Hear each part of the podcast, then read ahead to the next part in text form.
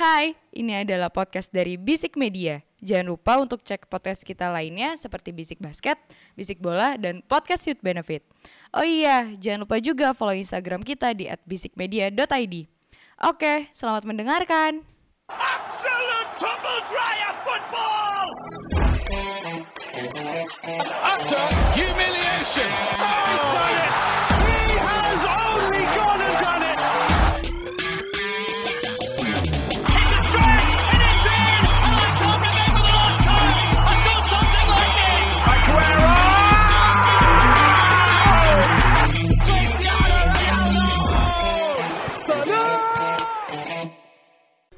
Bisik bola. Selamat datang di Bisik Bola, sebuah podcast sepak bola yang bahas bola-bola yang bergulir mulai dari London sampai akun rekening yang dibekukan. Blokiran bos, cicilan bos. kita bahas secara Anak SD loh itu. tapi tidak alergi masa sepak bola dipolitikin Oh, iya. iya, iya, iya, iya, iya, iya, iya, iya, iya, iya, iya, iya. Aduh, mulai lagi. Aduh, Eh, aduh, bentar, aduh. bentar itu anak istri maksudnya apa ya? Gue nggak. apa Apaan Gue ya? nggak dapet tuh. Ini yang mana sih? Doni Salman bukan sih? Bang, bukan Eh, oh tapi itu juga diblokir sih. Diblokir juga. selamat datang Agus Kens Iya, iya, iya, iya, iya. Lulusan? SD, lulusan Iya, SD iya. bukan anak SD. Eh, ini ya, orang Bandung Barat dan sekitarnya. Orang Soreang. Orang Soreang. udah nikah Oh, udah Bandung 19 Selatan. udah nikah udah 19 tuh cerai lagi lanjut ya. Bini Eh, cakep. kemba- Kembali lagi bersama eh, Aji Nuklir. Waduh. Tetap, tetap, Waduh. tetap, tetap. Waduh. 네, ya, ya, um, 안녕하세요 여러분. 저는 반지 노입니다. Halo, aku Panji. Uh, Panji Jongun. Yo, ya, ya, ya. Assalamualaikum. Eh, uh, Salam. Balik lagi dengan Roman Gusti. Uh, mau Gusti? Mau Gusti. ah, dan Vladimir Agus. Ya, Agus. ya, itu, itu, itu. itu Vladimir Agus. Ini poros ya. Poros packing itu ya kan dulu kan sama Jakarta kan sekarang presidennya yuk lanjut Hura, hura, hura. anjing. Masih Oke. aja. Ini eh, kita bahas Liga Champions ya dia. eh, yes Kloter pertama Liga Champions sudah eh, menghasilkan eh, menghasilkan sudah memberikan kita hasil yang sangat mengejutkan. perempat finalisnya udah terkumpul empat Iya empat udah ada empat nih. Di mana eh, Benzema membuat sebuah eh, gebrakan. Benzema Benzema Benzema di udara gua Anjing bergema anjing. Terus dibenerin tuh ya. eh waktu leg pertama di PSG 1-0. mainnya 1-0. 1-0 Madrid PSG. eh PSG 1-0 Mbappe, PSG. Mbappe. Yang golin. Eh, di comeback di Santiago Bernabeu sama Madrid eh, setelah Mbappe gol dulu pertama PSG Yes. unggul di awal Yes. dan eh, Madrid tiga gol dari eh, Benzema Benzema. Benzema Gimana bapak-bapak hasil PSG Madrid ini? Gue sih nggak nyangka ya sebenarnya bisa bisa tiga tiga tiga tiga satu. ya, Ah, ah. tiga satu. Eh, ironis ya. Ah. Ironis gimana? Klub yang juara 10 tahun terakhir jor-joran memang League Ang itu udah kayak backyardnya dia udah nggak bisa ngapa-ngapain. Iya. Kemarin aja nggak juara gitu kan. Iya. Terus- Lille yang juara. Ya, Lille yang juara. Kemudian tahun ini dengan bukan pembelian sih ya kan gratis ya setahu gue ya. Iya. Si nomor 30 yang The Messiah itu ternyata nggak bisa berbuat banyak-banyak juga di Bernabeu. 9 pertandingan terakhir 0 gol. Tidak pernah menang lagi si Lionel ini. Ini menunjukkan bahwasanya tidak mudah mengumpulkan pemain banyak bintang dengan ego-ego yang tinggi ini Hmm. dipadukan menjadi satu tim di PSG. Kemudian ditambah lagi dengan pelatih yang menurut gua masih nanggung banget Finalis Liga Champion loh Ji. final tapi nggak juara 2019. kan? ya nanggung kan Ya, betul. itu ya itu one of a kind lah gue bilang Ya, lah ternyata walaupun running-nya juga bagus ya Kayak lu juara tahun 19 juga kan? Eh 2020 tuh kan lu juara. anjing, goblok. One of a kind dong. enggak dong COVID-19. eh anjing gue kayak harus jelasin lagi ya tai enggak Ayo, ayo. ya Ayo, ayo. Eh, menunjukkan bahwasanya kaliber seorang Pochet belum bisa nih eh, so- Memegang tim Mem- sekaliber PSG yang Iya, pemain kayak gitu. Iya, karena egonya ah, fix banget men. Front three-nya aja egonya gede-gede banget itu pasti men. Dan ini eh, menurut gua ada dengan dengan kalahnya PSG ya ada ada kemungkinan bahwasanya Pochet ini akhir tahun ini kemungkinan tidak akan diperpanjang oleh PSG gitu. Oke. Tidak akan lama lah. Dan kemungkinannya akan ke United cuma itu akan pembahasan yang nantilah ya. Kayaknya. Kok Katanya. tiba-tiba. Ten Hag, Ten Hag, Ten Hag. Tidak hanya PSG yang bisa dibilang membuang uh, momentum ya, tapi kita juga heads off pada Real Madrid. Ya, betul. Uh, kita tahu Real Madrid sebenarnya 2-3 tahun terakhir tidak terlalu diperhitungkan di Eropa. Sangat. sangat, sangat, tidak. sangat, sangat, sangat. Dengan uh, Zidane di akhir tahunnya yang udah mulai menurun, akhirnya dia cabut. Kemudian tidak ada Ronaldo lagi, uh, masih menggunakan pemain-pemain bisa dibilang ya pemain toku lah. Sisaan. Iya, betul. Tapi di pertandingan kemarin terlihat bahwa pemain-pemain toku ini yang memegang kendali pertandingan. Sangat. Apalagi kita juga sempat bahas kemarin Bang Ab- Bang Agus bilang eh, Luka Modric 36 tahun masih bisa ngocak-ngacik eh mengotak mengobrak-abrik eh, apa namanya garis tengahnya PSG. eh, PSG kelihatan golnya kedua kemarin Gol ya yang kedua itu menurut gue ya itu pengalaman dan visinya Modric sih. Iya. Ditambah Benzema yang tahu positioning. Iya. Dan patut dilihat ya sebenarnya gue nggak terlalu percaya sama yang namanya cocokologi ya. Cuma biasanya menit-menit 50 sampai menit-menit 65 Ah, itu emang menit-menit krusial di leg kedua. Oke. Banyak banget contoh-contoh kejadiannya. Biasanya kalau lo udah leading 2 atau 3, Iya. kalau lo emang nggak fokus, biasanya lo bisa kebanting di sana. Oke. Contohnya udah 2 3 pertandingan gue lihat kemarin ada PSG Madrid, ada Liverpool Barcelona, Heeh. ada juga di Roma walaupun Roma kemarin waktu itu bakal mereka di akhir-akhir ya. Cuma Iya, menurut gue di menit Oh, 50 sampai 65 itu titik Itu, krusialnya. Ajax Tottenham. Iya bisa. Dia oh iya benar benar. Walaupun gol terakhirnya di menit akhir tapi Iya. dua gol itu di, di menit segituan. Heeh. Memang eh, leg kedua konsentrasi di saat lo udah jumawa menang dua gol. Satu lagi ya, 2-0 itu menurut gua adalah eh, scoreline berbahaya di dunia sepak Iya, bola. betul. Karena satu gol lo kena udah momentumnya di tim yang ngejer. Iya. Itu asli itu Dan banyak sekarang kejadiannya. ada gol tandang. Ya. nggak ada. Jadi emang lo nggak bisa rely lagi sama gol Ah, tandang betul, itu. betul, betul. Jadi kemarin juga Benzema tiga, eh, dua, tiga gol 12 menit ini luar biasa banget. Oh, iya. Dan dia eh, ngegeser Alfredo Di Stefano ya kalau nggak salah ya. Ya. Sebagai Top skor top skor ya walaupun Madrid. belum ngelewatin si CR7 ya. Heeh. Ya. Itu mah bayar, Ji. Biar nyogok gitu. Nggak, tapi itu emang Anjing. alien kan. Eh, udah robot lah pada masanya ya, pada iya, pada masanya. masanya. Pada masanya ya. Pada pertebal sih pada masanya. Oh harus. Emang sekarang kenapa? Oh tidak, tidak, bukan robot lagi itu. Kemarin kan cedera. Soak itu. robot Apaan soak. pulang ke Portugal anjing? lanjut lanjut. Cedera press release-nya gue bacanya. Ya itu dia gara-gara kemarin live Instagram mandi. 600 ribu loh Wah anjing. gokil. Gila. Itu CR apa? Host Bigo. Wadaw. Anjing Mas Bigo. Bangsat. Dia punya OnlyFans kayak. Ntar sudah di Corbuzier. ya tapi Aduh itu iya, aduh anjing. Uh, Baru dikirim gua. Eh, podcast bola. Oh, iya, iya, podcast sorry, podcast sorry, sorry, sorry. podcast bola. tapi di luar itu ya kita lihat kembali juga kalau Ancelotti uh, uh, taktikalnya uh, spot on melihat Pochet juga sebenarnya nggak terlalu kaya kaya banget tengah taktik. Uh, kalau buat komparasi ya ada yang bilang misalnya gini, ah Tuchel aja nggak menang Liga Champion, bro jangan samain Tuchel di di Prancis aja juara dan bawa PSG ke final Liga Champion walaupun nggak juara gitu kan. Iya, Nah, betul. si Pochet ini udah nggak juara di Prancis, uh, kalah di babak 16 besar lawan Madrid yang sebenarnya skuadnya ya Eh, So, biasa, biasa aja. aja untuk musim ini ya. Masih rebuilding lah bisa dibilang seperti itu. Jadi kalau menurut gue emang kemarin penyakit hariannya PSG nih dari musim ke musim. Fail mulu entah kenapa apa egonya apa segala macam. Messi juga nggak terlalu banyak bisa tidak terlalu banyak banyak bicara. Ya heads up buat Real Madrid kemarin mainnya bagus. ya. Itu dari gua. Deh, silakan. Satu hal yang sebenarnya gue lihat di balik keberhasilan Madrid adalah Madrid ini kan sedang punya project Young Galacticos. Ya, betul. Tapi di match kemarin Madrid masih menunjukkan mereka butuh pemain-pemain tua ini. Iya.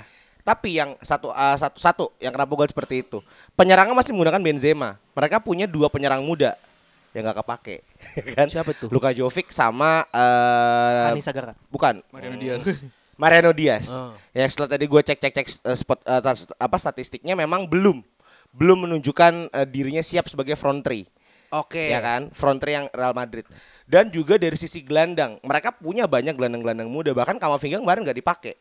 Oke. Ya kan yang seharusnya ini jadi project masa depan Madrid gitu kan. Tetapi apa yang bisa gua uh, lihat dari Madrid kemarin gue apresiasi adalah yang mental championnya Madrid gitu loh.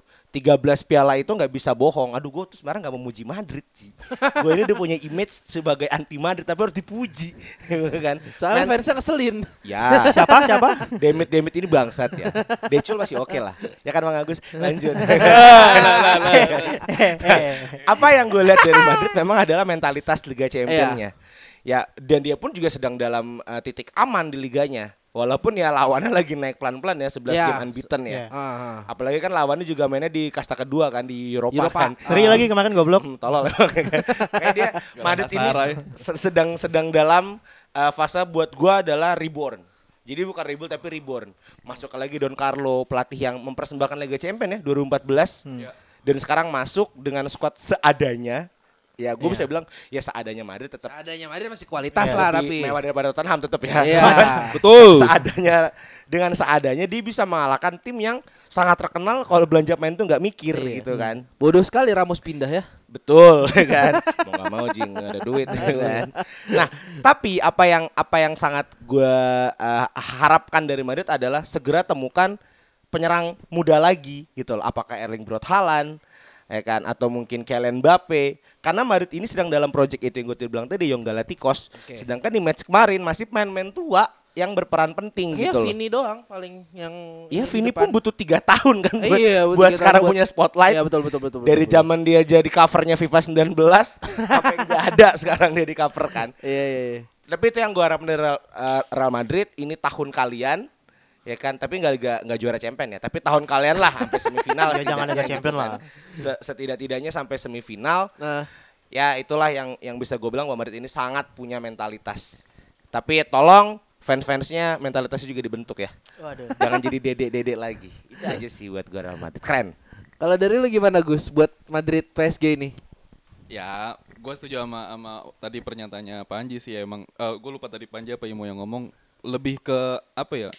Emang mentalitas juara tuh dibutuhin sih dalam dalam kondisi-kondisi terdesak kayak gini gitu. Lu ketinggalan 1-0 walaupun sebenarnya ketinggalan 1-0 tuh masih agak agak ini ya apa? Masih agak berat lah dalam artian untuk mempertahankan keunggulan di eh, untuk di 90 menit. kalau Eh, 4-1 di- saya Gus ya kalau 4-1 Jauh, jauh, Oh, jauh, jauh. jauh. Jauh. Anjing. Cuman ya apa ya? Kalau dibahas untuk ke detail pertandingannya sebenarnya menurut gue yang ada eh, yang ngebuat di menit 60 sekian itu bisa eh, Madrid bisa eh, nyetak gol itu di pergantiannya sih kalau menurut gue Kroos waktu itu diganti sama Kamavinga terus eh, Asensio diganti sama eh, Rodrigo gitu. Menurut gue dua pergantian ini yang jadi jadi momentum eh, Madrid bisa mengejar ketertinggalan gitu. Dan momentum yang paling tepatnya lagi sih sebenarnya di gol pertama sih.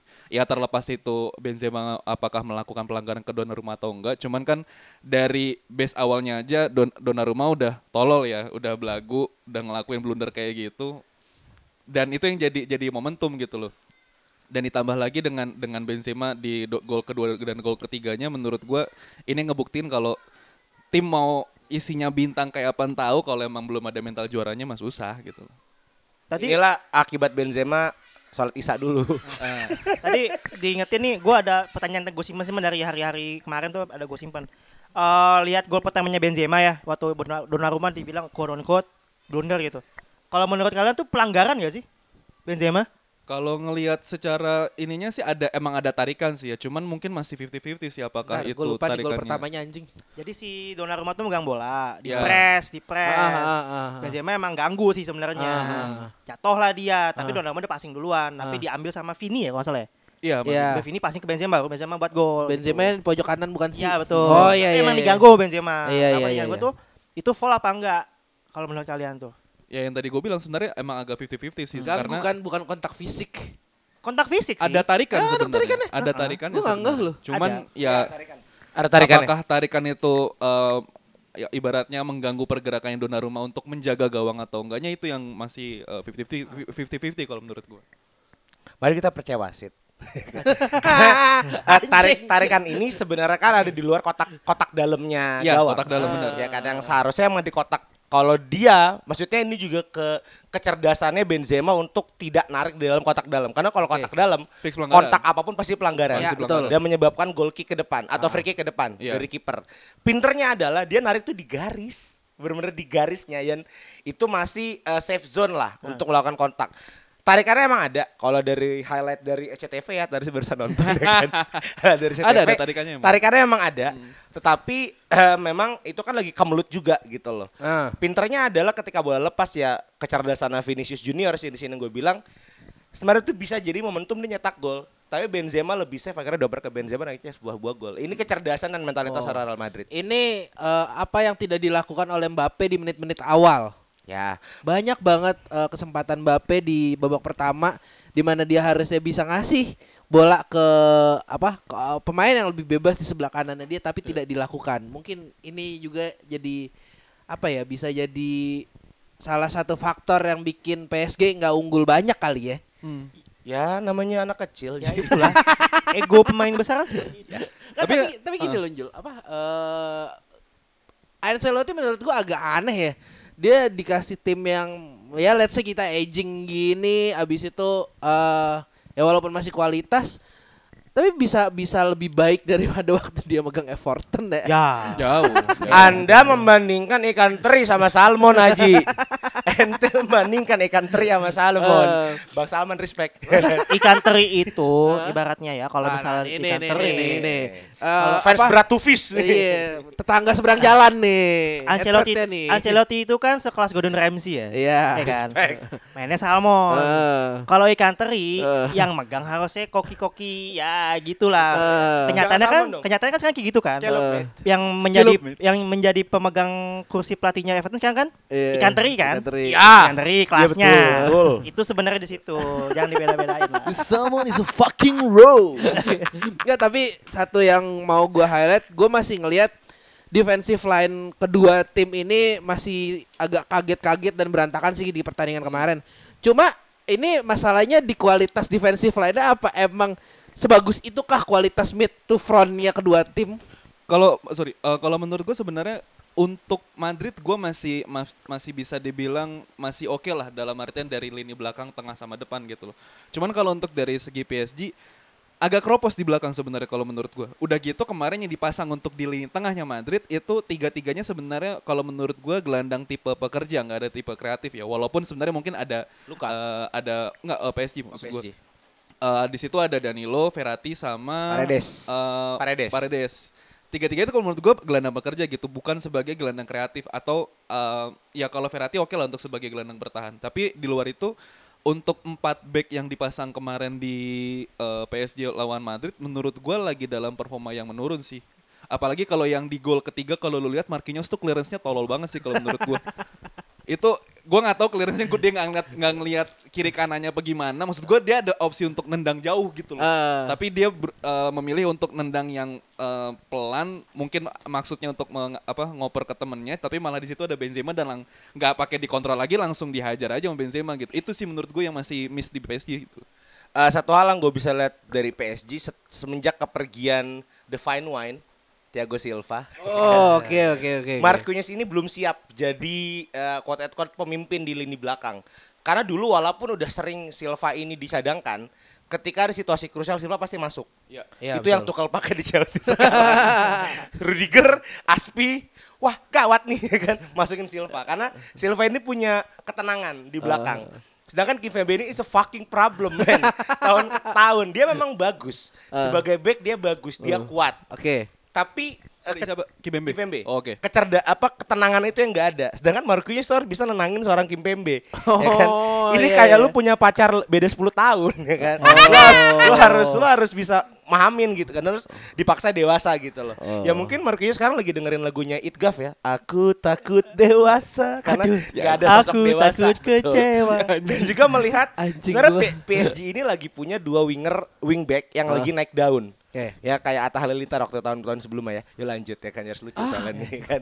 Hakimi dengan Mendes gitu kan. Ah. Nah, ini sebenarnya yang jadi harapan sepertinya eh Pochettino ini mau meniru caranya Liverpool dengan dua Oke. wingback yang dipaksa ke depan karena dua-duanya larinya gila Ji. Iya, iya, tahu. sama Bugatti Veyron ya. Iya. kan? Tetapi terpatahkan dengan bagaimana Madrid menempatkan seorang buat gue cerdasnya adalah Alaba Militao ini punya punya punya tipe pemain yang sama. Seharusnya dua-duanya itu sama-sama runner, nggak ada yang holder atau skipper. Dua-duanya itu runner. Tapi bisa mempertahankan lini belakangnya Madrid untuk menahan seorang Kylian Mbappe. Dan ya Donnarumma sama Courtois ya jelas ya kualitasnya pasti Courtois dong. Courtois dong gitu kan. Ya Kenapa Donnarumma Courtois mau? Ji ngeliat Korto tuh kayak ngeliat mantan yang udah disayang banget terus nikah sama orang yang baik gitu loh. Oh, baru ya kejadiannya. Anjing. Eh, tapi kalau misalnya tadi mau bilang Thiago Silva punya ketenangan ya. Kayaknya dia bakal nggak tenang deh 3 4 bulan ke depan. bisa. Kayaknya gajinya nggak akan dibayar deh. Bisa. Kayaknya ya. bisa Kayaknya jadi. ya. Sabar, jangan ke sono dulu. Oh, Silva ada kredivo ada pinjol santai. Buat hidup. Enggak, gue mau ngeba mau gue mau memberikan apresiasi kepada Inter Milan. Ya, Inter Milan. Inter Milan bisa menang di Anfield walaupun 1-0 ya. Iya, iya. Eh eh, Simeone tetap memakai eh, apa taktik yang sama, Hmm. tetap Sorry, memakai gue kira lu salah tuh Simone Inzaghi. Simone Inzaghi. Pinter lah Ji lu. Simone Gua pikir Inzaghi. Simone, Simone kan Atletico, ternyata Simone Inzaghi. Iya. Betul. Lanjut aja. Sorry. Udah udah tackle aja sama Imo. Simone. Simone. Enggak, gue bukan gue bukan host yang waktu itu sering Ah, lanjut. nama. Gini, eh, Simone tetap pakai eh, apa? Eh, tiga lima dua Ya. tetap pakai double pivot tetap eh, apa ngeladenin mainnya Liverpool cuma di sini gua nggak tahu kenapa Liverpoolnya agak-agak kurang gue ngerasanya Eh, di mana golnya si siapa ya? Lautaro. Lautaro itu itu harusnya masih bisa ditutup sih sebenarnya Ah itu gol freak sih gol Iya. gol keren, gol keren emang Gol gol keren, cuma- susah. cuma, harusnya masih bisa ditutup Jul Iya iya. dan eh, apa ya gimana ya gue nyebutnya ya Eh, dan sangat disayangkan banget karena menurut gue eh, apa ya Inter tuh mainnya agak kurang sabar sedikit ya. Kalau kur- kalau sabar sedikit gue yakin bisa dua dua kosong dan bisa eh, prolong ke perpanjangan waktu. Kalau dari lu gimana Gus? Buat Inter sama Liverpool Gus? Ya poinnya sebenarnya kalau menurut gua agak hilang konsentrasi setelah Sanchez di kartu merah ya. Kalau Aduh, Iya, Agus ngambil betul. statement gue lagi. Iya. Sama gue juga lagi. Semuanya mau ke situ kan? Karena saya yang dipilih dua. Jadi saya mau ambil itu. Tapi emang benar, emang Iya, emang benar. poinnya di ketika uh, Sanchez di kartu merah ya semua udah pasti hilang hilang konsentrasi apalagi dia kondisi masih ketinggalan uh, satu gol lagi untuk nyamain kedudukan gitu loh. Jadi masih harus untuk uh, melakukan penyerangan dan kekurangan satu penyerang di uh, di babak berapa ya gue lupa kartu merahnya.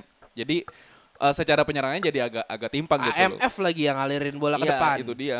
Jadi apa ya? Ya ditambah lagi dengan disiplinnya pertahanannya Liverpool kalau menurut gua ya agak susah juga untuk untuk uh, mengejar ketertinggalan. Cuman ya di sini sebenarnya bisa ngebuktiin Inter Milan sebenarnya masih ada daya juang untuk bisa lolos. Cuman ya ada faktor yang bikin dia nggak hoki jadi ya nggak lolos sih kalau menurut gua.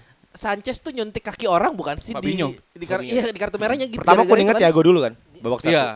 Babak pertamanya uh, dari Thiago, yang keduanya dari dari uh, Fabinho. kenapa Jul Nggak lanjut lanjut. oh ya lu Ya, mau gue sepakat juga. Tapi juga sebenarnya eh, itu kan heboh banget ya ketika Sanchez ini di kartu merah dan mainnya cukup kasar. Iya. Bahkan Klopp sampai komen kan bahwa lu tuh lu yuk lah, apa beruntung banget gitu loh karena eh, lu masih masih dikasih kesempatan sama main babak dua dan juga melihat Liverpool dia kan menang agregat ya. Iya. Karena 2-0 di Ah, awal. Tapi yang yang yang yang sangat gue suka gimana Inter Milan ini menyiapkan lini tengahnya. Oke. Karena ini lagi naik-naiknya banget Oke. kan. Nicolo Barella itu kemarin nge-spotlight banget pas di Euro, Brozovic dengan kematangan dan Vidal.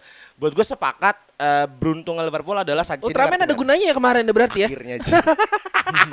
ya kan. Nah, ini memang eh, kalau melihat kita tarik ketika di Lazio, ini memang anjing gue harus mewakili Serie A di sini. Silakan, Inter- silakan, silakan. Inter ini fans gue gitu kan. Eh, gimana ketika di Lazio pun dia juga menggunakan taktik yang sama gitu loh. Oke. Hanya ada satu gelandang kreatif eh, quote and quote waktu itu di Lazio itu Sergei Milinkovic Savic dan sekarang ada Barella yang itu emang dipakai sama Simone Inzaghi dan terbukti kan sampai ke bisa ke peringkat dua. Hmm. Ya harapan gue emang Inter walaupun di champion ini dia sudah tersisih, ya jangan sampai menyerahkan eh, Scudetto ke klub bangsat zebra itu ya. Wadaw. wadah Silakan yang juara antara Milan atau Inter. Tapi buat gua momen yang bagus Inter Milan eh, tersisi, it's okay. Lo kalah dengan kalah tegak, kepala tegak, ya kan? Yang fans Inter tolong didengerin podcast kita ya di endorse kalau bisa. Ya, ya, ya. Erick Thohir, I love you. kalau dari lu sendiri gimana Jul melihat performanya Liverpool kemarin Jul Oke, eh, mungkin gue ke Inter dulu kali ya. Ah, oke, oke, Benar oke. semua teman-teman lo sampein, tapi menurut gue kekalahan ini harusnya menjadikan momentumnya dia. Karena gini, eh sign-nya ada di sana dengan Simone Inzaghi gitu. Ada ada ada blueprintnya gaya permainannya kelihatan bagaimana dia main atraktif gitu kan. Ngejar tadi gue bilang eh skor 2-0 itu berbahaya, menit 55 sampai 65 itu bahaya dan kejadiannya di menit itu semua. Ya. Eh gol 6-1 tapi saya kartu merahnya menit 65. enam tiga 63 sorry 63 di range segitulah benar kata Aji kalau misalnya emang tidak kartu merah seharusnya bisa dua sama karena 3-2 bahkan. wah agak susah agak susah ya. Menang Liverpool, menang Liverpool. Menang Liverpool. jadi memang kemarin Liverpool itu emang dua tiga pertandingan terakhir ini depannya lagi off banget Hmm, kemarin kita tiga tiga kali kena tiang ya Liverpool ketiga Betul, kali betul, kena betul, tiang betul, betul. lagi nggak hoki banget kemudian salah formnya lagi ngedip Mane lagi ngedip Jota yang tadinya lagi on fire abis cedera baru masuk juga ngedip yang menurut gue dari pemain depan Liverpool yang lagi performnya bagus itu hanya Luis Diaz aja. Ya. Oke. Tapi Luis Diaz juga nggak main full kemarin. Hmm. Ada satu peluang dia tuh sebenarnya Gantiin Jota ya dia. lagi Iya. eh, eh, kan emang lagi rotasi banget kan Ah. Liverpool kan lagi banyak banget pertandingannya kan mau quadruple ya amin. Nah, Jangan sebut mimpi babu. Jangan sebut mimpi babu. Mimpi babu. Jangan. Enggak, enggak gini, apa kasus aja dulu naik dulu, baru quadruple. Anjing. Anjing. Enggak. Kalau Covid jadi endemi, Liverpool 30 tahun lagi baru juara. Nggak, jadi saya begini.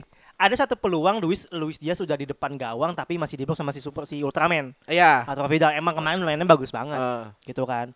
Tapi kembali di saat dia lagi nggak on form depannya, tapi belakangnya setidaknya masih bisa nge-cover. Uh, game plan Inter Milan kemarin sama dengan leg 1 itu mengeksploitasi highlightnya Liverpool. Iya. Terutama di sebelah kanan pertahanan Liverpool di mana Trent selalu naik. Ah, Selalu naik. Nah. sih. Nah. Ivan Perisic itu gesitnya gila-gilaan men. Eh. Asli. Golnya Lautaro pun dari sisi situ Iya, sebenarnya. dari kiri agak ke kiri Iya, kan. walaupun Nah. emang golnya ya gol gol keren gitu Gol emang pressing, susah. pressing emang banget keren. udah. Ya, susah itu mana susah. Jadi memang salahnya itu ada momentumnya dirusak sama Sanchez. Ah, Oke. Seperti itu. Jadi Liverpool emang lagi off cuma ya kembali kalau gua emang game manajemennya bagus dari pelatihnya mah harusnya bisa see out pertandingan gitu kan. Oke. Cuma jujur pasti didegan lah Liverpool tuh penyakitnya kayak gitu. Gak Gue bisa sakit lupa main piano Ji. Anjing. Anjing. Situ dia, ya Tapi Allah. gue sepakat sih. Liverpool itu memang titik lemahnya di winger kanan. Tapi, tapi, tapi, tapi gini ya, sebelum kartu merah kalau Sanchez diganti Zeko menurut lu gimana? Hmm, Aduh, perubahan tak besar-besaran. sih, Iya. Karena. Sanchez itu kan eh kalau Sa- soalnya kan kalau kemarin seingat gue dia di, ditaruh di depan ya. Ya, barang sebagai- Lautaro. Ya, barang Lautaro. kayak kalau Sanchez kalau Sanchez diganti Zeko itu kayak ketika Chelsea eh gue pakai Chelsea aja Iya, analoginya. iya, iya, iya, Ketika apa-apa. Havertz dan Pulisic digabung, tiba-tiba Lukaku nggak kepake tuh, ya kan? Tuh dimasukin. Karena Zeko itu kan pemantul. Ah. Sedangkan Lautaro ini butuh sosok yang bisa ngasih bola ke dia. Oke. Ya seperti kemarin kan, walaupun udah ada Perisic ya. Iya, iya, iya. Emang Sanchez tolol sih.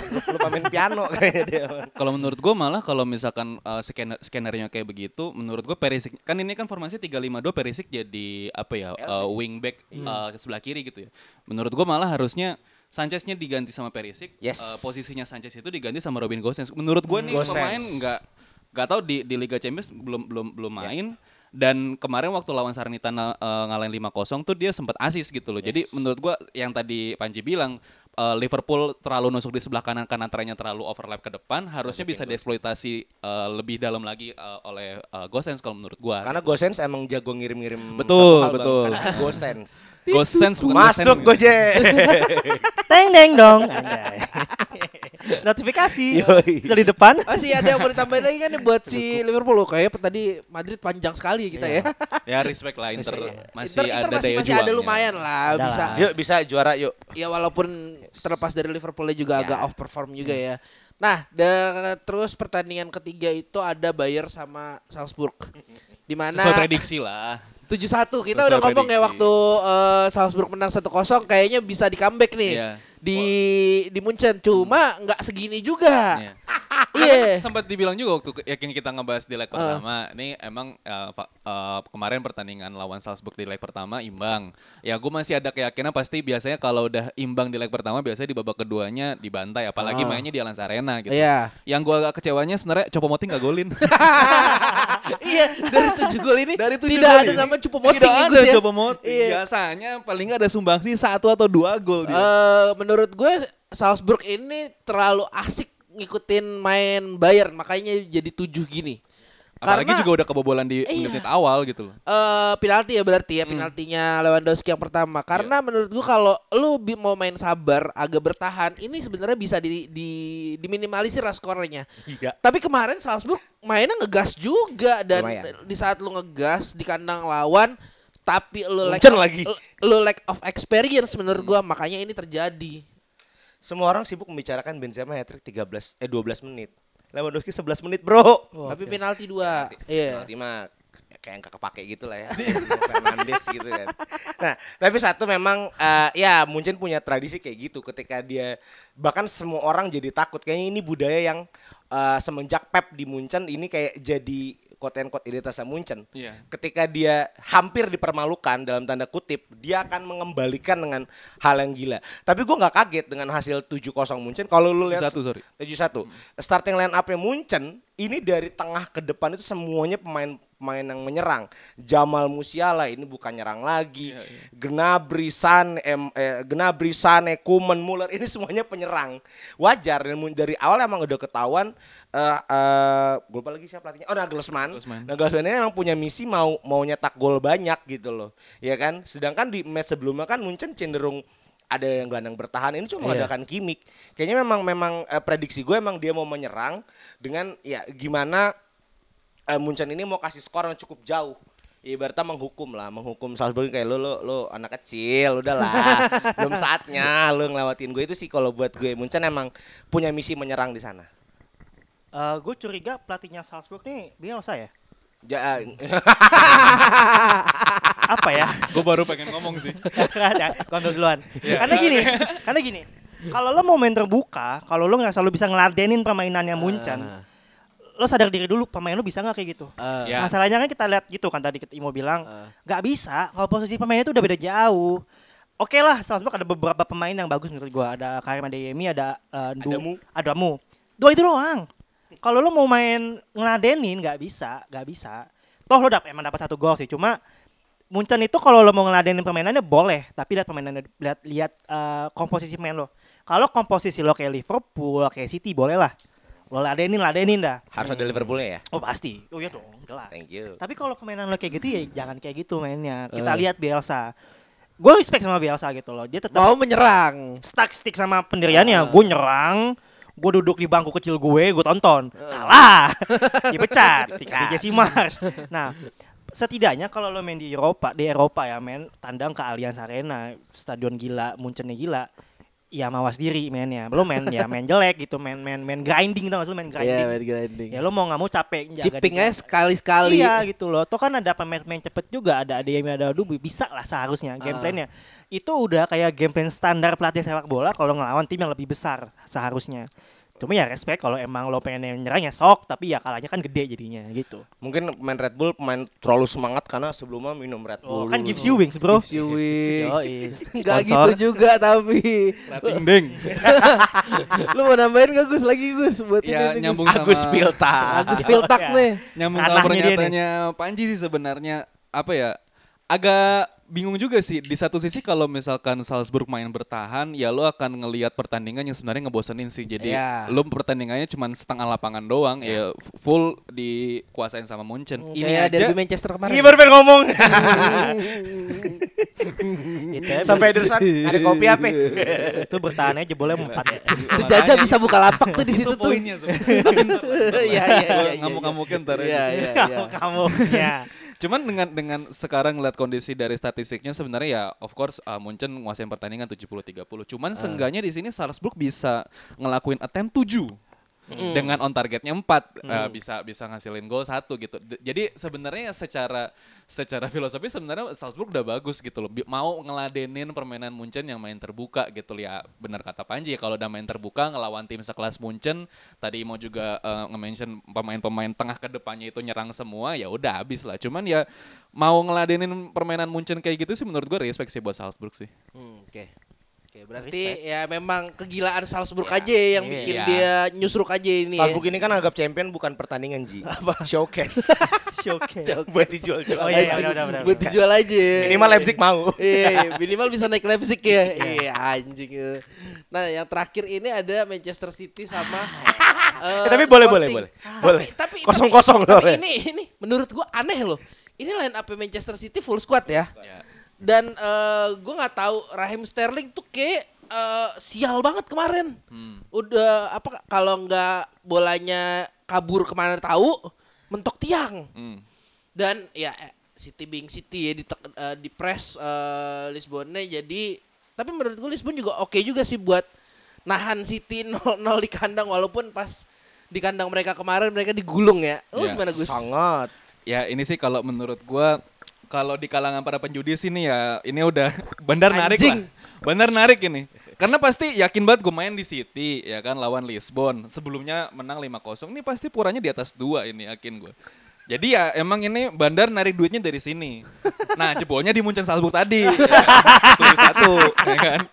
Jadi emang ini emang udah kayak udah ibaratnya Bandar udah tokor-tokoran di di di, di Munchen Salzburg ya ngambil duitnya dari dari dari City Lisbon ini Lisbon. sih. Ya, Capek-capek nggak ada yang bisa gue bahas sih ya mau gimana udah menang Capek-capek 5-0. kita bentuk persona Agus, Agus Piltek jadi Agus M88.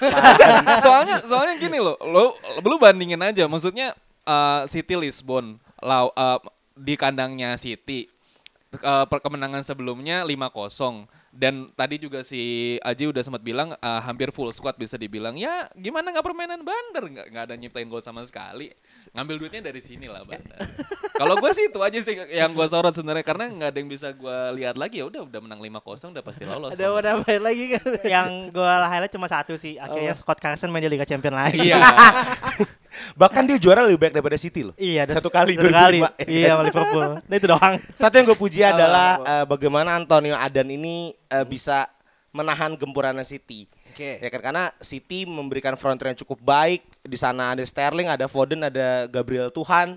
Once again ya Gabriel Tuhan kan harus harus, harus ada itu kan. ini ada dulu yang Madrid bukan sih Madrid, Ya, ATM Madrid juga ya? pernah. Oh, iya. Bahkan dia itu eranya semenjak si eh, Courtois Courtois cabut itu sempat ada di Atletico untuk sampai kita akhirnya dapat oblak gitu loh. Oh, Ya kan ini ada ada seorang Aden. Aden ini kan malang melintang ya di klub-klub kecil di kalau kalau bisa kita bilang ya kayak kayak Anelka lah tipis-tipis kan. Oh, iya, Pindah, iya, pindah, iya. pindah, pindah, pindah kan.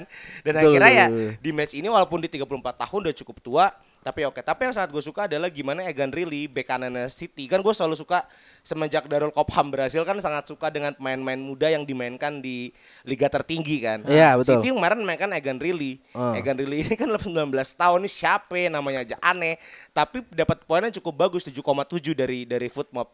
Ketika gue emang statsnya dia bermain cukup bagus eh, mempertahankan momentum walaupun gak sampai cetak gol. Dan yang sangat yang satu lagi yang sangat gue suka adalah kemarin Aymeric Laporte cukup berpengaruh gitu loh. Mungkin kalau nggak ada Laporte bisa jadi satu kosong. Walaupun tidak merubah hasil ya tetap City Iya. lolos. Tapi kalau nggak ada Laporte sepertinya eh, City ini bisa jadi satu kosong kalah sama Lisbon itu sih buat gue ya ya udah kayak itu aja sih dari City. Tapi menyambung dari City nih kan di materi kita ada yang mau marah-marah nih. Oh, dari Manchester ya? Ah, iya, mau nggak mau kita harus bahas derby Manchester kan nih. Gue sih cuma nonton babak pertamanya doang. Ya, babak pertama gue gue rasa masih oke sih. Eh, masih dua satu. Oke cupid. Ya Allah. Masih oke dilihatnya, masih 2-1. Masih masih ada nyerang-nyerangnya dikit, masih oke. Tapi babak keduanya gimana Gus? Coba dong Gus diceritain Gus babak keduanya Gus. Spill kak, spill. Sebenarnya sebenarnya ini salah momentum nih kalau misalkan pertandingannya di hari Jumat malam, gue pengen pokoknya podcast podcastnya ini naik hari Minggu gitu loh. Jadi gue marah-marahnya pas gitu. Sekarang udah hilang momentum sih kalau gue. Cuman aduh gimana nih? Backfournya sih kalau menurut gue apa ya? Gol pertama memang salah ini. Nggak, salah semuanya, sa- semuanya salah salah salah back backnya Ji. Ya, Lindelof tolol, Maguire, Maguire tuh ibarat kata kayak lagunya Nadia Ambiza gitu, berjalan kayak bajingan gitu. Jadi dia dia jalan aja tuh udah kayak bajingan aja menurut gue udah tolol aja gitu loh. Bisakah juga menurut gue malah kemarin eh, permainannya menurun banget sih kalau menurut gue ya wajar sih Enggak kalau baru kemarin. Selama Iya, ini. iya. Makanya beberapa kali masih akhirnya Dalot yang main kan. Iya. Dan sebenarnya kalau misal eh, dari momentum eh, MU golin ya waktu eh, nyamain kedudukan sebenarnya dari segi prosesnya pun bagus gitu waktu golnya Sancho. Ah. Cuman ya itu tadi eh, dari empat gol ini sebenarnya membuktikan bahwa ya MU ini masih mediocre di back tengahnya gitu atau eh, back four-nya lah untuk di lini belakangnya gitu loh. Apalagi dengan ditambah lagi situasi di babak kedua sama sekali nggak melakukan shot gitu. Shot ya, bukan on target. Berarti sama sekali nggak melakukan penyerangan gitu loh. Bahkan di 15 menit akhir itu posisinya 92% berbanding 8%. Ini tuh kayak main lawan tim futsal anak kecil yang under 5 tahun gitu loh. Jadi ya ya udahlah gitu aja gue. Udah, udah hilang momentum gue. Udah nggak bisa lagi gue nggak ngerti. Lirih ya. Lo, lo, lo tau nggak kalau dulu pas main WE kan ada bintangnya tuh difficulty-nya. Ya. Nah itu kemarin City mainnya tuh lawan bintang 2 tuh babak pertama eh bintang 4 eh bintang 3 deh babak pertama. ya. Nah babak keduanya bintang 1 tuh Ya lawan itu. Pelu. Kalau Jepangnya kayak pelu tuh. Tapi di luar itu ya sebenarnya kalau menurut gue ini agak agak gimana ya. Cuman harus gua puji sih walaupun walaupun City yang ibaratnya rivalnya Ya, MU ya, gitu. ya. Eh, City ini eh, ibaratnya menurut gua tim yang apa ya paket lengkap lah kalau menurut gua karena ketika ya main position of course main position cuman untuk misalkan dia sed- sedang ngelakuin uh, possession kehilangan bola dia bisa ngelakuin uh, gegenpressing gitu dalam artian dia bisa uh, ngepres uh, satu pemain tuh dengan 2 sampai tiga pemain City gitu. mainkan gegen pressing.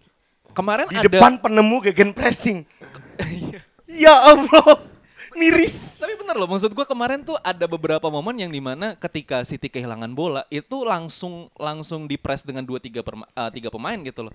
Entah bisa kerebut atau misalkan eh, ngelakuin tactical foul. Jadi bener-bener MU tuh nggak bisa berbuat apa-apa gitu loh.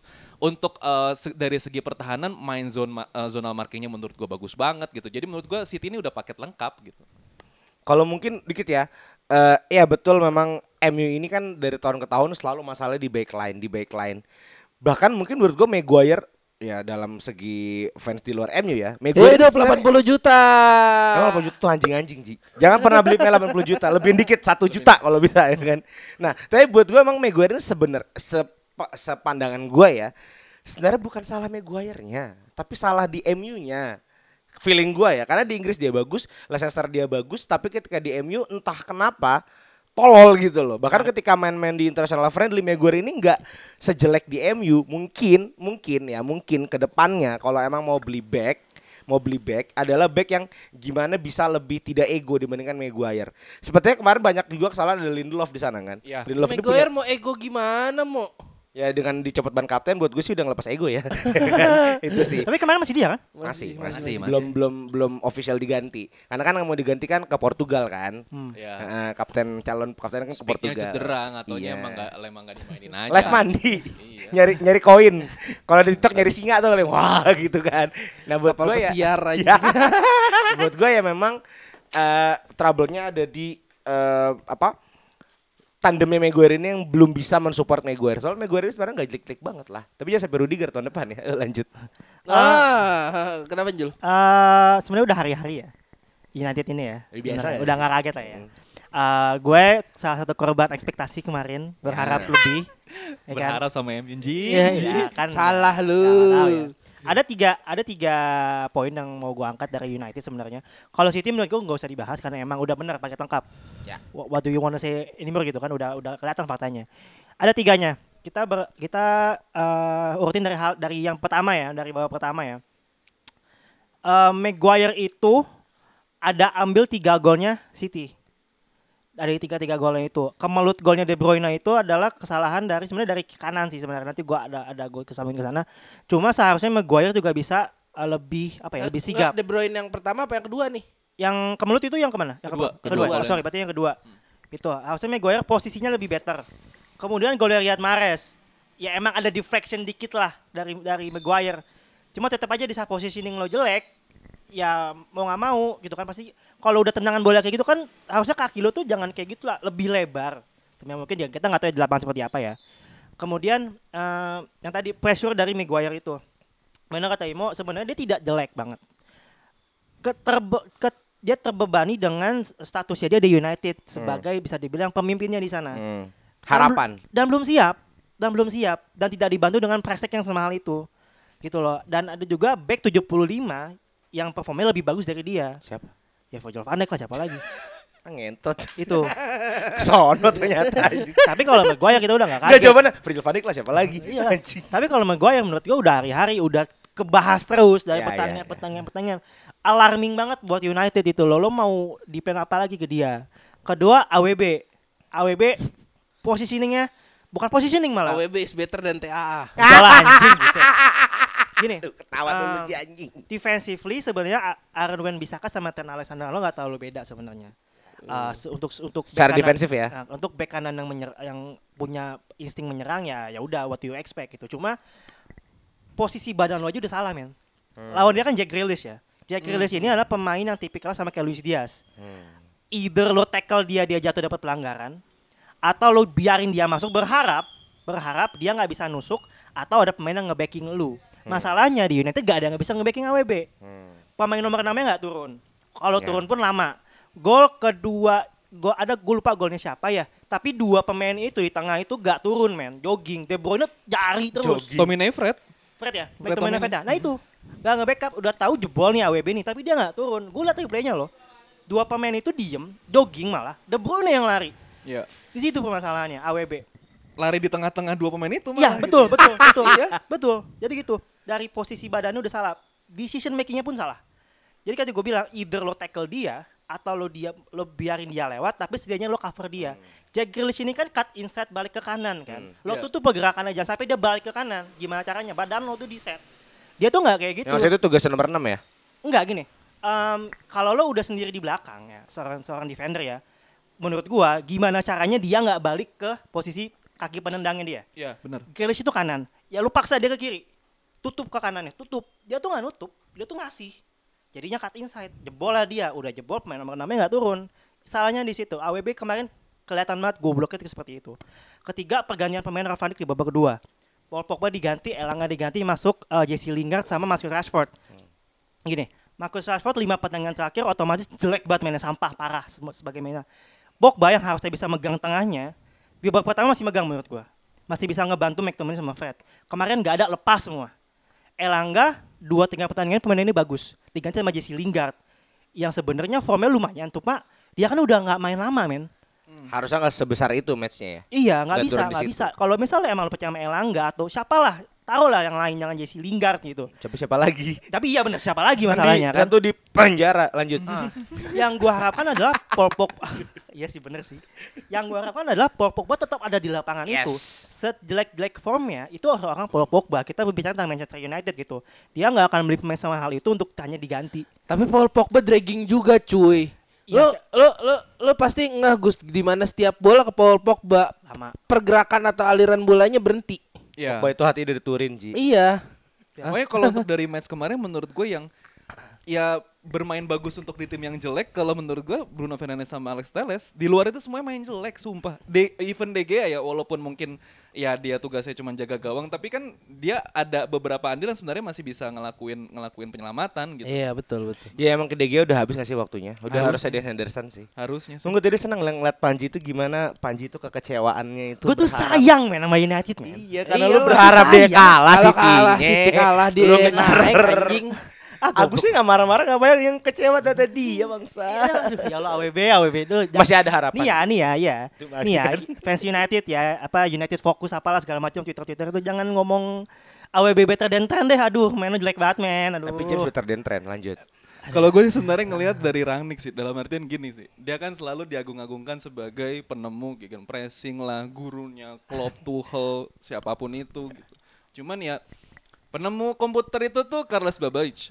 Oh, ini, ini beda. Cuman kan nih. ada eh, ibaratnya ini ana- pakai analogi ya. Penemunya pertamanya tuh Carlos Babbage lebih ke apa ya eh, istilahnya yang awal-awalnya komputer gitu loh. Cuman kan di di apa ada perkembangan dan segala macam dimodifikasi sama Alan Turing. Ya. Dan sampai sekarang bisa bisa jadi ya alat eh, komunikasi atau komputer dan segala macam yang jadi canggih ya dari Steve Jobs atau siapa pun itu gitu loh. Dan Bill Gates. Bill Gates Penemu vaksin. dan lanjut. nah poin gue adalah ya nggak semuanya Ya. harus diagung-agungkan uh, Rangnicknya gitu loh ya sekarang kalau misalkan kayak misalkan komputer kalau kita pakai komputernya zamannya Carlos Babbage atau Alan Turing kan juga nggak bakal bisa kepake gitu Ya. kenapa gegen pressing ini selalu diagung-agungkan toh lu sepanjang pertandingan nggak ngelakuin itu gitu loh Karena pemainnya gak siap. Gue nggak tahu nggak secara pemain secara pemain sebenarnya menurut gue Ya, ya. semuanya punya punya kapasitas dan pengalaman yang bisa bermain gegen pressing gitu loh. Cuman gue nggak tahu arahnya kayak gimana. Anjing sepanjang pertandingan diem doang nyet. Jauh banget sama Guardiola mencak-mencak terus kayak Solskjaer aja masih bisa mencak-mencak gitu loh ini lu sebagai pelatih pelangap longo Rang nih kolesterolnya ngelipet kambuh. tangan tolol gitu loh Kolesterol lagi kamu lagi kencang lehernya bang. Diem doang anjing. Iya. Kan ada ada momen di mana eh, ada penonton yang harus ada apa ada apa namanya? Ada pertolongan medis. ya? Oh, ada pertolongan medis. medis. waktu itu. Kayaknya ada ada berhenti kurang lebih 5 sampai 10 menit. Itu Guardiola udah wah wah wah wah udah udah ngelakuin strategi dan segala macam. Rangnick diem doang. itu posisi lagi gue lupa satu kosong apa satu sama gitu. Jadi kagak ada ngelakuin apa-apa gitu. Yaudah, yaudah lu main-main aja dah gitu. Ibaratnya ibaratnya ya udah lu kayak lu lagi ulang tahun nih, Rangnick lagi ulang tahun, lagi ngadain main futsal atau lagi main bola bareng dan ini lapangan gue biarin main-main aja. udah. Kesel banget gue ngeliatnya anjing kagak ada pergerakan sama sekali si Rangnick ini. Lu main-main aja deh. udah main-main aja udah gitu loh. Ya udah ya udah main-main gitu aja udah. Ya kecewanya itu nol nol shotnya babak kedua 45 menit ditambah tambahan waktu nol shot. Gila nggak lu? MU yang kayak gitu. Unacceptable ya. Nggak nggak bisa diterima udah. Udah ya Gus ya. Udah udah udah. Udah ya. Kerennya keren banget men. Oke, eh, setelah bahas MU kayaknya kita akan bahas satu tim lagi nih buat per- eh, apa pembahasan terakhir.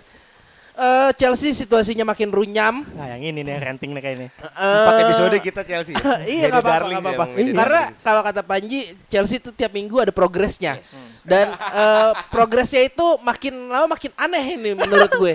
Karena di yang minggu-minggu ini kita dapat berita bahwa Chelsea dibekukan semuanya, operasionalnya tidak boleh eh, memperpanjang kontrak pemain, tidak boleh membeli atau menawarkan pemain pakai bosman kan berarti kalau sekarang kan terus eh, tidak boleh menjual tiket Betul.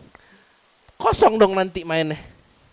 Kalau season season holder boleh main. Boleh. Karena Sesuai dia holder. belinya udah sebelum. season holder doang yang boleh Iya, masuk season berarti. holder doang. Ibaratnya Oke. kalau ada transaksi ekonomi lah. Oke. Dan yang terakhir itu budget Chelsea untuk pertandingan home dan away dibatasi. Hmm. Jadi bagaimana mau? Oh saya pertama. Iya, nggak apa-apa. Saya nggak mau bilang sepak bola itu nggak boleh dipolitikin ya. Nanti panjang. Ya kan? Cuman kalau se- secara government rules, ya emang ini kan pembukuan aset. Ya kan yang memang salahnya Abramovich dari awal adalah tidak secepat itu melepas ke kepemilikannya. Karena ketika dialihkan ke eh, Chelsea Foundation itu masih under Roman Abramovich. Gue berharap waktu skemanya adalah Abramovich ini melepas semua ke Bruce Buck dulu, chairman Chelsea yang sekarang. Pemilik pemilik original Chelsea dari keluarganya Gus Mears. Oke. Ini kok gue kayak Chelsea banget dari Iyalah, ayo pari pari Ayolah, pari ayolah, pari. ayolah, harusnya keluarin. harusnya itu dilepas ke Bruce Buck, tapi nanti keputusan-keputusannya bisa didiskusikan Abramovich under table. Oke. Nah, jadi nggak usah kelihatan dia mengatur, tapi Bruce Buck dulu aja. Ya kan atau Granoska dulu aja, siapa pun itulah ya kan. Tapi jangan ada sisi Abramovich. Salahnya kemarin adalah melepas ke Chelsea Foundation yang di mana itu juga pengurusnya Abramovich juga. Atas namanya Abramovich iya, juga. Ini ibarat kata Pak Harto melepas Indonesia, tapi masih ada Tommy di Partai Berkarya, sama aja bohong maksudnya. Sa- gila. sama aja bohong gitu kan. Kedua, eh, ketika penjualan satu setengah bilion di awal itu mempermudah. Banyak orang yang mau beli Chelsea satu setengah bilion, tiba-tiba naik 3 bilion. Udah ada pembeli lagi, naik lagi 3,9. Tamak, Ji. tamak. Tamak dia mau 3,9. Itu ta- tamak atau memang kan Chelsea masih ada utang Ya. kan ke Sebenarnya Abramovich. Utangnya, utangnya satu setengah, satu setengah bilion. Mungkin Abramovich mikirnya adalah ya udah gue mau mau meninggalkan klub dengan uang yang cukup di klub ini gitu kan. Oke. Ya 2,4 kan bisa buat operasional Iya, gitu betul, kan. betul, betul. Dan itu udah banyak list pembelinya. Ya, Dan- salah satunya yang deket kemarin yang orang Swiss itu. Swiss, ada orang Turki. Ah. Tapi tiba-tiba muncul. Ini yang gue takut adalah konspirasinya eh, pemerintah Inggris nih.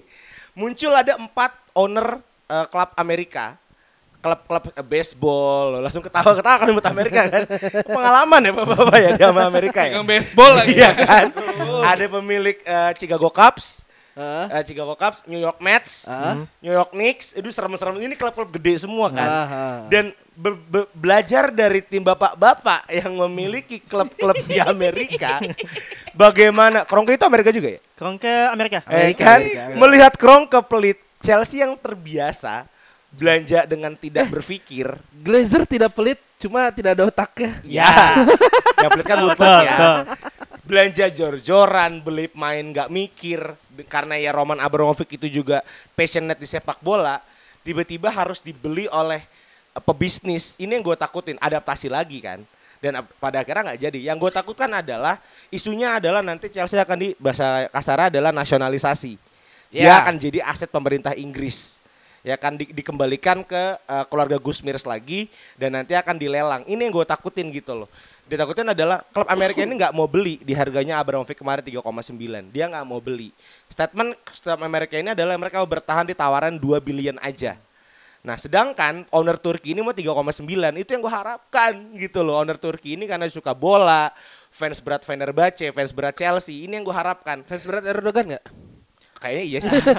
Dia kayaknya gabung HTI kayaknya lanjut ya. Gitu kan. Nah, gua harapkan memang seorang klub owner yang memang suka sama sepak bola. Iya, gitu punya ambisi lah kayak Punya Abramovich ambisi juga. Dan nggak mikir bisnisnya di sini. Itu yang gua harapkan. Karena itu ya udah Chelsea kultur kan. Iya, beli betul. main gak mikir, Lukaku beli aja, Havertz beli aja, kayak Pak juga Busuk, dibeli. eh. ya kan. Itu busuk semua yang gue sebut. Itu yang gue harapkan. Ini yang gue takutkan adalah ya emang ini caranya eh owner-owner Amerika ini buat beli Chelsea. Tapi selepas dari itu ya FIFA ini surat terbuka buat Anda, tolong jangan masukkan politika sepak bola. Kalau mau adil. Sedap. Adil ke semua isu. Terima kasih teman-teman. Ada yang mau nambahin nggak? Oh, mau nambahin nggak Gus? Ironisnya sebenarnya di sini Chelsea dapat apa ya dapat eh, fakta bahwa ba- ya ada kejadian kayak gini tuh Hamin satu sebelum dia ulang tahun gitu loh. Oh, iya benar. Iya sedih banget sih. Ini ibarat kalau misalkan lu pacaran, Aduh. Itu lu mau ulang tahun terus diputusin. Lu pasti mikir, ah kayaknya ini gue dikerjain deh. Oh tidak. Ternyata. Ah, udah positif thinking aja, gue dikerjain ini. Eh pas di akhirnya beneran putus. gitu. lu pulangnya mabuk nih Chelsea. Pernah ya Gus ya? oh iya.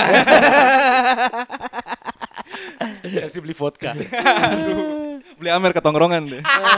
Gue putus di Bray. Kalau gue sih ya bukannya apa-apa ya. Ah, Em, kalau gue gue lebih gini ya. Kalau buat Chelsea tadi udah imo sampai segala macam, gue mungkin lebih ke eh si FIFA ini kita masih nunggu statement FIFA ya karena ini kan masih sanction dari pemerintah Dari Inggris. pemerintah Inggris Pemerintah tidak Inggris ada ya. dari Oh iya, federasi. FIFA belum ngasih Ini Belum. pemerintahnya tok ya. Oh, Oke oke. Bukan oke. dari FIFA atau dari UEFA. Hmm. Sebe- FA-nya juga nggak nggak nggak ngomong kan? belum belum makanya asosiasi, asosiasi sepak bolanya belum turun tangan. Yang gue tunggu adalah statement dari FIFA. Oh, kirain Chelsea setahu gue juga belum statement deh. Hah? Chelsea juga setahu gue Chelsea, belum. Chelsea udah, Chelsea udah, statement. Chelsea Oke. udah statement bahwa kita disanksi sama pemerintah Inggris eh, untuk para fans kita lagi berjuang untuk special license. Oke. Eh, untuk Chelsea sendiri menurut gue, gue percaya seminggu dua minggu akan ada progres lagi, ada ada perkembangan, ada berubah atau license yang dikasih gitu kan. Yang gue tunggu adalah statement dari FIFA. Gue mau lihat apakah FIFA ini sebagai governing badinya sepak bola itu dia ini konsisten. Berani nggak intervensi dan ngambil keputusan buat Chelsea? Bener, konsisten. Karena gini, kita ambil contoh yang dekat-dekat aja deh. Ini kan jatuhnya eh, pemerintah ikut campur dengan Ya. sepak bola. Indonesia pernah kejadian. Yes. Dualisme liga akhirnya kita di ban. Oh Bukan, iya iya iya. iya. Sekarang gini, Indonesia di mata FIFA ya ya udahlah Indonesia gitu kan. Ini Inggris men. Iya. Kiblat sepak bola gede duitnya di situ semua, kulturnya, klubnya segala macam. Dia berani nggak ngeban Inggris? Ngeban semua klub Liga Inggris. Jangan main di Liga Champion, jangan main di Liga apalah. Karena pemerintah turun tangan. Iya, nggak main Pildur. Mereka berani nggak kayak gitu? Karena kalau misalnya mereka berani, gue heads off. Tapi ekonominya bakal turun banget. Inggris ya? Jauh. Buat FIFA. Oh FIFA. Karena yang kita nggak bohong pe- pe- untuk duit masuk dari klub Liga Inggris itu gede banget dari hak siar itu udah gede banget. Nah berani nggak FIFA kayak gini? Kalau misalnya dia nggak berani, berarti FIFA juga goblok. Dia nggak dia nggak nggak konsisten. Kalau misalnya lo ngomong eh, olahraga di atas politik segala macam ya kalau lo kayak begini ya lo mau mau nggak mau harus turun tangan. Pemerintah Inggris mikir panjang nggak? Kalau misalnya Chelsea disengsi kena sama pemerintah, kan efeknya nggak ke Chelsea doang. Ya. Kalau misalnya FIFA berani kena sanksi, Liverpool nggak bisa main Liga Champion. Siapa? Liverpool nggak bisa main Liga Iya. Champion, MU nggak bisa Liga Champion. Semua pemain MU udah pasti nggak Liga Champion dong. Iya sih. Iya dong. Iya sih. Peringkat 5 mau diapain? Tapi secara secara bes- secara garis besar Iya. klub Inggris yang menurut gua sa- apa ya ya kiblatnya di sini. Duitnya sekarang saat ini duitnya di sana. Kalau misalnya emang diberani ya duitnya nggak akan ke FIFA juga duitnya. Nggak akan ke UEFA juga. Mereka berani nggak kayak gitu? Itu yang gue tungguin dari. Eh, satu hal mungkin kalau perbandingan tadi di Indonesia ya FIFA menunjukkan anjing gue jadi serius banget sih. FIFA Apa, itu apa, menunjukkan bahwa FIFA itu tajam sekali Mm-mm. untuk eh, member-member yang dalam tanda kutip tidak big fish. Ya. Tapi ketika di Inggris ya pasti dia punya banyak pertimbangan. Betul. Tetapi kalau melihat caranya pemerintah Inggris membekukan aset karena nggak nggak bukan cuma Chelsea tapi semua uh, aset bisnis Aset-aset, Rusia yang ada di Inggris itu dibekukan. Oke. Dan Chelsea ini kan entitas perusahaan gitu loh. Memang memang eh, karena memang secara aturan memang dibekukan transaksi ekonominya yang berbau uang. Jadi mungkin FIFA tidak belum belum bergerak karena ini belum mengganggu sepak bola karena Inggris masih boleh mengizinkan Chelsea main sebagai seorang sebuah klub tapi nggak boleh berkegiatan aja itu sih Bisa gue rebuttal gak nih? boleh boleh boleh Karena gini, kalau kita ngomongin uh, klub uh, bersepak bola ya, pros apa ya, uh, ber- berkegiatan dalam sepak bola, pertandingan segala macam, kan butuh duit bro. Gitu loh, jangan expect dia, eh satu match day itu duitnya keluar banyak loh. Chelsea itu apa stadion, lighting, gaji pemain, gaji staff, away ke away ke mana lah nanti kalau dia main away kan butuh duit. Kalau misalnya dia, ya udah lo lo main-main aja nggak apa-apa. Kan main juga butuh duit. Otaknya tuh di mana Boris Johnson gitu loh? Pikir panjang nggak? Eh, maksud gua di luar olahraga ya politik aduh jadi politik nih. Gak usah lah. Jadi eh, apa ya? Ada domino efeknya gitu ada domino efeknya ini. Tidak hanya dalam posisi ya ada uangnya, tapi ya klub kalau mau ngerunning, kalau mau jangan butuh duit, Bro. nggak bisa pakai daun. Suruh jalan kaki itu kayak Havertz. Lukaku suruh jogging. Ya emang Bisa. emang Butuh. Biar kurus, butuh biar jogging. kurus, biar kurus. Kalau gua butuh jogging. Biar kurus. Ya gitu aja sih. Maksudnya ya ini domino efek gitu ke semua ke semua aspek sepak bola ini. Tapi gue mau nanya deh, ini eh, kendala kayak gini tuh di di apa kenanya cuma sama Chelsea doang atau sama yang lain juga? Aset sih? Rusia pokoknya. Yang Everton itu? Everton kan nggak nggak ada. Emang ada uang Rusianya? Eh, ada ada ada ada ownernya. Ownernya- kan? Eh, owner apa apa ya? ke owner sih gue lupa deh Eh, itu. pemilikan saham cuma kayaknya nggak mayoritas. Oh, oke, nggak nggak sebesar Abramovich di Ah, Chelsea. Dia ya? kan mayoritas. Oke. oke. Cuma emang juga kita juga belum tahu sih kalau Everton gue belum belum ngulik belum ada beritanya. Mungkin akan adil ketika eh, turun VTC juga karena VTC kan Liga Belanda dan itu juga Turunannya ya, turunan dari dan itu punya Rusia juga quote and quote ya. Apakah sanksi ini cuma keluar sama Inggris atau di VTC? Mungkin kalau VTC juga kena, nah ini baru FIFA bisa bertindak. Tapi itu, itu kan balik lagi ke pemerintahannya Belanda. Yes. Dia mau nggak? Karena kan pemerintahan Bel- Inggris. Belanda lagi chill bro di Amsterdam bro. Iya, Sedap. ya. Kan?